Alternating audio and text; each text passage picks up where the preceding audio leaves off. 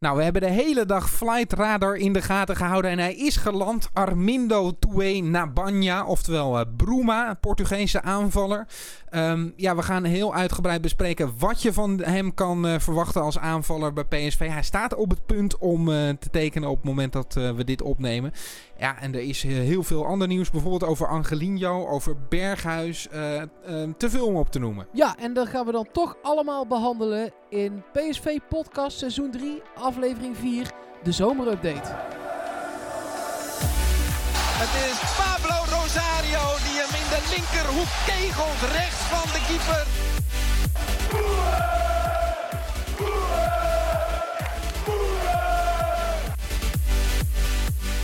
Daar is dat jagen van Lozano dus heel erg goed. 2-0 voor PSV, Luc de Jong komt er binnen uit de voorzet van Brenet.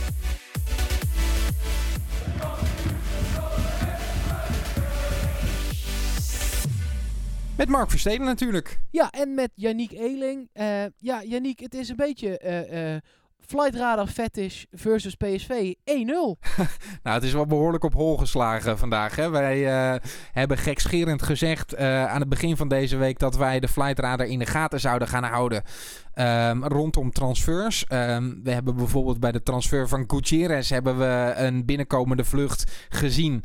Um, en dat zou dan misschien vandaag ook alweer uh, gaan gebeuren. Oftewel, dat is ook gebeurd, want uh, Bruma komt naar PSV. Ja, zeker. En ik volg Flight Radar echt gewoon ook als, als, nou ja, kun je dat een hobby noemen. Maar als ik thuis op mijn balkon lig, dan denk ik, god, wat zal er allemaal overvliegen? Dan kijk ik daar best wel vaak op. En nu heeft het ook nog echt een nut, inderdaad. Want wij zagen samen met de hulp van Koentje, want die had uiteindelijk als eerste het juiste vliegtuig gevonden. Ehm, het vliegtuig dat hem, een privévliegtuig, dat hem van uh, iets buiten Lissabon naar Eindhoven vloog. Hij is geland iets voor zes uur s avonds. We nemen dit op iets over zes uur. Je zei het al, uh, rond deze tijd gaat er ongetwijfeld uh, getekend worden, medisch gekeurd worden. Of misschien wordt dat dan net doorgeschoven nog naar morgen. maar ja, we, we moeten ook maar eens bespreken wat voor speler dit dan precies is voor PSV. Hebben we, hebben we zo'n speler wel nodig? Nou ja, uh, in ieder geval dank aan iedereen die heeft meegekeken naar de Flight Radar. Dat was, uh, was perfect. Vlucht CL60 gaat uh, de boeken in als de vlucht die Bruma naar PSV ehm, heeft gebracht. Naar Eindhoven. We moeten trouwens Bruma zeggen, hè? want het is niet Jeffrey Bruma. Het is, het is echt de Portugese aanvaller en je spreekt het op die manier uit. Oh, dan ga ik vanaf nu Bruma zeggen. Bruma moeten we zeggen, ja. Ja, precies. Hij is op de Bruma. Ja, ja precies. uh, nou ja, uh, we hebben het wel vaak ook uh, al over hem gehad. Maar volgens mij moeten we ook vooral even naar onze deskundige platte kar. Om te vragen wat hij van deze aanvallen vindt. We zijn vanaf het stadion voor een groot gedeelte met de platte kar meegelopen. De platte kar, dat is geweldig. Bruma. Wij zijn niet bang, want Bruma is erbij. De vleugelspeler Bruma wel te verstaan. Dat zijn de pareltjes. Om deze reden heb je transferwindow fetischisten. Dan komt Bruma wel, dan komt hij weer niet, gaat hij naar Porto en dan komt hij uiteindelijk toch. Een wervelwind aan emoties. Is hij ook een wervelwind op het veld? We bekijken de stats en vergelijken hem met Bergwijn en Lozano. Dat is niet helemaal eerlijk, dient daarbij aangetekend te worden. Want hij speelt ook als aanvallende middenvelder. Dat vertekent de stats op meerdere manieren. Waarschijnlijk is het iets makkelijker om over de vleugel te dribbelen dan door het midden. En vermoedelijk is het iets makkelijker om voorwaarts te pasen in het midden dan op de vleugels. Maar op basis van de sets lijkt hij fanatieker mee te verdedigen dan onze huidige buitenspelers. Zijn aantal succesvolle voorzetten is hoger dan die van Bergwijn, maar lager dan die van Lozano. Zijn dribbles zijn vergelijkbaar met die van Bergwijn en lager dan die van Lozano. Rendement is waar sommige, sommige fans zich zorgen over maken bij Bruma. In de Bundesliga was dat weliswaar niet laag, maar ook niet heel hoog. Maar nog altijd hoger bijvoorbeeld, voor wat het waard is, dan wat een topspeler als Tadic had in de Premier League. En je weet allemaal wat Tadic nu inmiddels in de Eredivisie heeft aangericht. In Turkije is wellicht een meer vergelijkbare competitie met de Eredivisie dan de Bundesliga. In Turkije had Bruma een, een goal contribution van 0,6 goals per 90 minuten. Heel hoog. Hoger dan Bergwijn nu. En lager dan Lozano nu. Wat uniek aan hem is, ten opzichte van Bergwijn en Lozano, wat hij kan toevoegen aan het team, is steekpaasjes, voorwaartse passing. Daar is hij heel scherp en succesvol mee. Daarom kan hij ook naast vleugelspeler ook als aanvallende middenvelder spelen. Pasaldo op stats, als we een oordeel moeten geven, zou ik zeggen iets minder dan Lozano en iets beter dan Bergwijn. Maar hij is ook al ouder. Maar als we dat vergelijken met wat wij verwachten te ontvangen voor Bergwijn en Lozano en wat we denken te hebben betaald voor Bruma, namelijk ongeveer 15 miljoen, dan lijkt me dat in deze tijd een spectaculaire, spectaculaire deal. Een mooie aankoop. Ja, 15 miljoen euro, dat is het bedrag dat genoemd wordt, uh, Mark. Dat is overigens nergens officieel bevestigd. Uh, bij PSV komt dat ook niet altijd helemaal naar buiten, wat dan de bedragen zijn die voor spelers worden uh, betaald. Um, dat is wel een hoop geld voor PSV. Dat is een hele hoop geld. Sterker nog, het, het zou als het echt 15 miljoen is de duurste aankoop ooit zijn.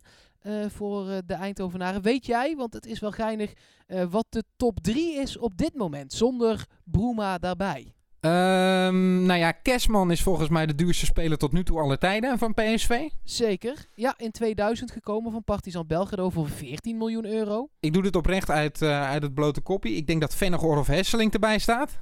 Uh, nee, Vennegoor of Hesseling staat op 4. Oké, okay, ja, net erbuiten. Staat Maxi Romero hierbij? Nee, nee, nee. Oh jee, nou. Uh... Want daar is nog nooit van bevestigd dat het om 10, 10 miljoen ook daadwerkelijk gaat. Anders had hij er wel bij gestaan. Ja, oké. Okay. Um, even denken hoor. Wie zou daarbij kunnen staan?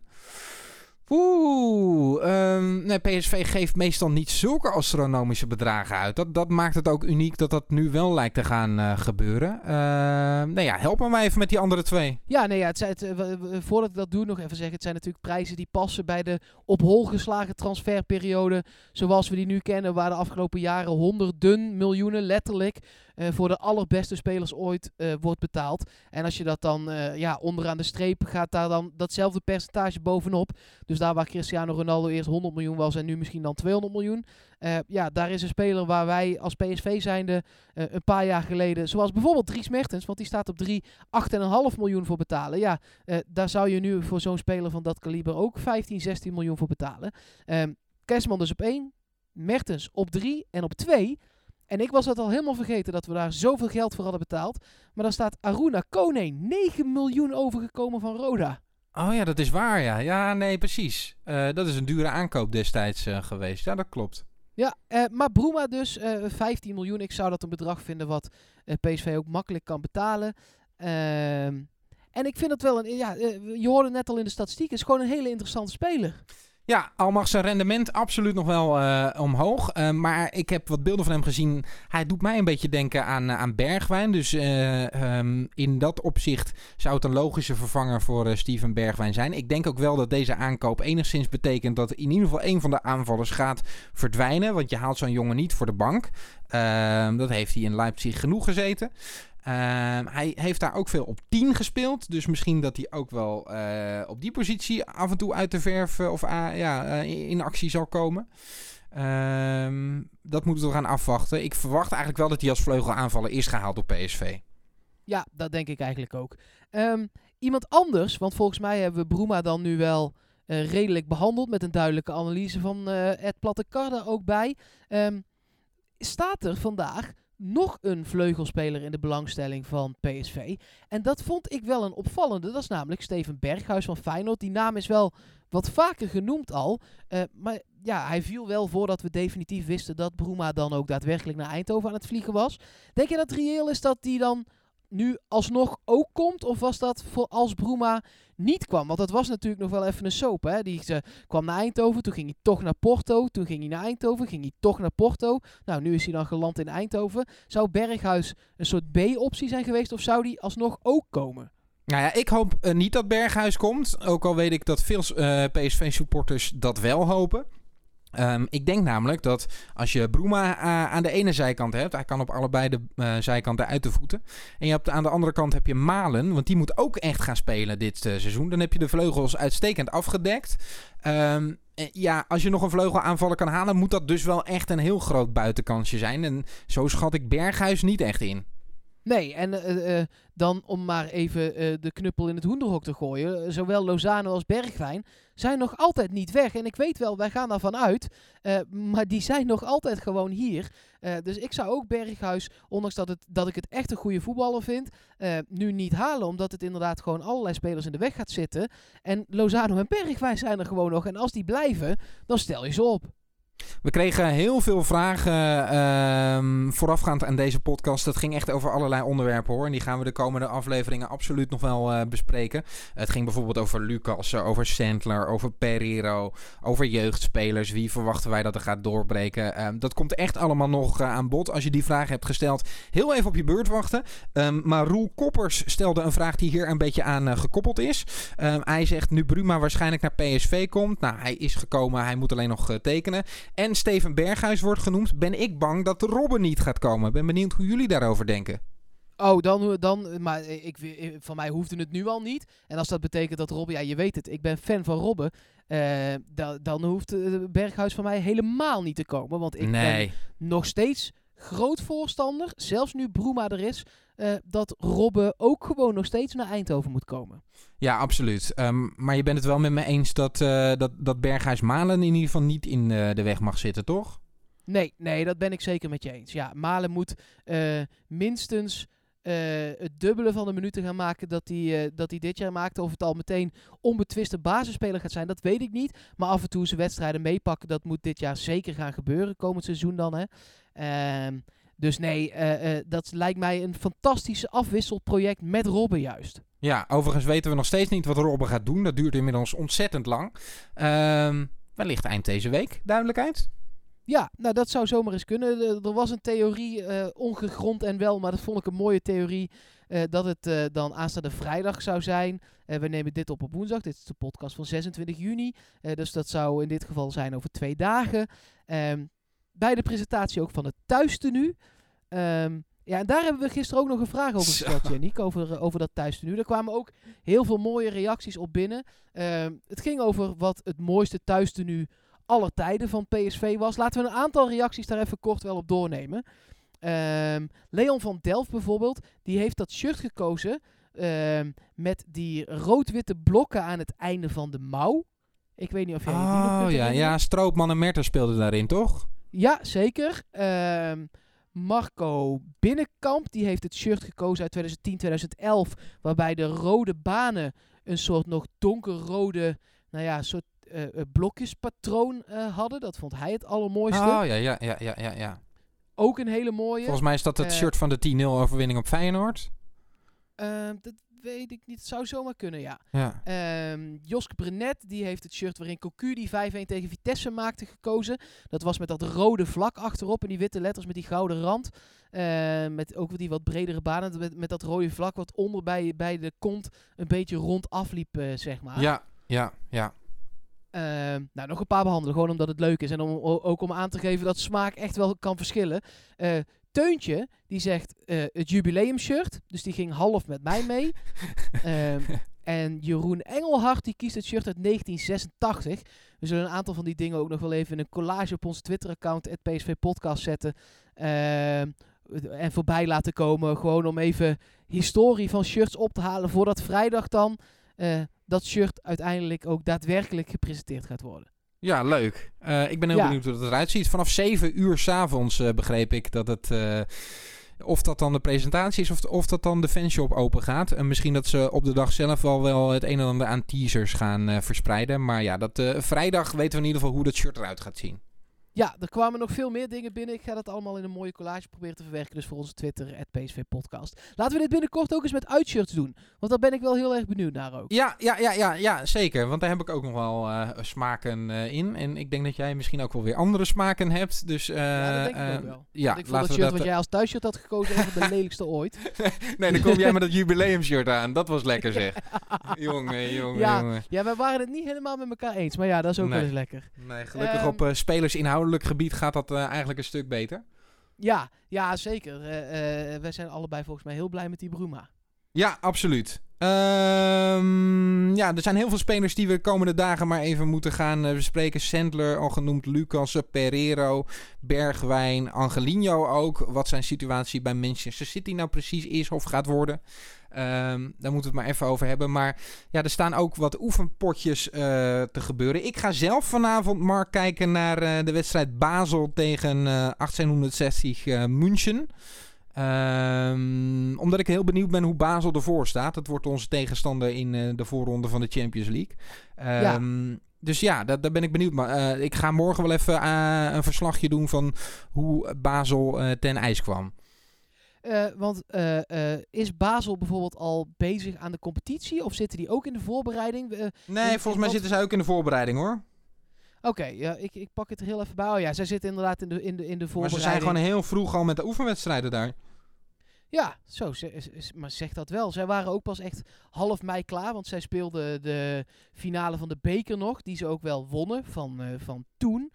Um, en uh, speelden al tegen Kriens eerder. De, dat was uh, vier dagen geleden. Ja, dat was afgelopen weekend. Ze stonden bij rust stonden ze 2-0 achter. Uiteindelijk wonnen ze wel 4-2. Maar ja, wat je er allemaal van kan zeggen op basis van zo'n wedstrijd, misschien niet heel veel. Maar ik wil toch even een beetje in beeld krijgen. Ja, nee, ja, snap ik ook. En, en uh, 1860 München is wel een tegenstander waarna je er iets meer van kan zeggen, inderdaad. Absoluut, um, absoluut. PSV gaat dan zelf spelen tegen uh, Sion, de eerste wedstrijd, 3 juli. En ik wil toch dat verhaal nog even vertellen. Ja, ik zit al dagen te wachten, joh. Ja, nee, maar het is echt een mooi verhaal. Het was, ik kom uit Eindhoven en ik speelde bij de voetbalvereniging die nu Wodan heet. Dat is in Woensel. Uh, toen heette dat nog WVVZ, Woenselse Voetbalvereniging Zuid. En ik zat bij een jongen in het team en die vader, die was een beetje raar. Die vader, die, die, die uh, nou ja, wij, dachten altijd dat het gewoon een beetje een blaaskaak was. En uh, uh, dat hij gewoon altijd hele grote praatjes had. Maar hij riep op een gegeven moment, halverwege het seizoen... Weet je wat wij gaan doen aan het einde van het seizoen? Wij gaan met het hele team een reisje maken naar Zwitserland, naar Sion. Of eigenlijk een klein bergdorpje op een van de bergtoppen boven Sion. En wij dachten, ja, dat zal allemaal wel. het zou helemaal niks kosten, of heel weinig in ieder geval. Hij zou de busreis regelen, hij zou het eten regelen. Hij kwam daar altijd om te skiën, die man, met zijn kind, dat dus bij ons in het team zat. Nou, zo gezegd, zo gedaan. Hij daadwerkelijk ook allemaal geregeld. Um, en wij hadden lekker gemountainbiked, wij konden van alles doen. En nou ja, uh, uh, moraal van het verhaal is, uiteindelijk bleek die man een complete oplichter. Heeft daarvoor ook in de gevangenis gezeten uiteindelijk. Of in ieder geval tijdelijk vastgezeten. Is daarvoor opgepakt. Heeft boetes gehad. Bleek nog veel meer uh, een tijdschrift, andere verenigingen ook allemaal te hebben opgelicht. Maar één ding wat we, omdat hij... Kijk, voor ons was het fantastisch. Voor die bedrijven die hij heeft opgelicht was het natuurlijk verschrikkelijk. Maar voor ons was het fantastisch. En een van de mooiste dingen die wij als voetbalclub die daarheen gingen aan hebben gehad uiteindelijk... is dat hij daar ook FC Sion nou, half heeft opgelicht. Al was dat dan niet voor geld. Maar hij had verteld dat wij van WVVZ, en wij waren echt de A3, hè, vriendenteam, gewoon heel veel bier drinken. Op, ja. ja. maar echt alleen maar bier drinken, een beetje trainen. Wij waren helemaal niet super goed. Maar hij had verteld dat wij de A1 waren van PSV. Dus wat had Sion gedaan? wij, wij gingen dus spelen tegen FC Sion. In het stadion van FC Sion. En wij zijn er letterlijk met 21-0 afgegaan, Yannick. en dat, dat, dat had er onder andere mee te maken dat daar spelers in zaten toen. Ik was echt, dit was 2000, 2001. Ik was, nou nee, wel iets later. Maar ik was echt 15, 16, 2006, 2007 denk ik.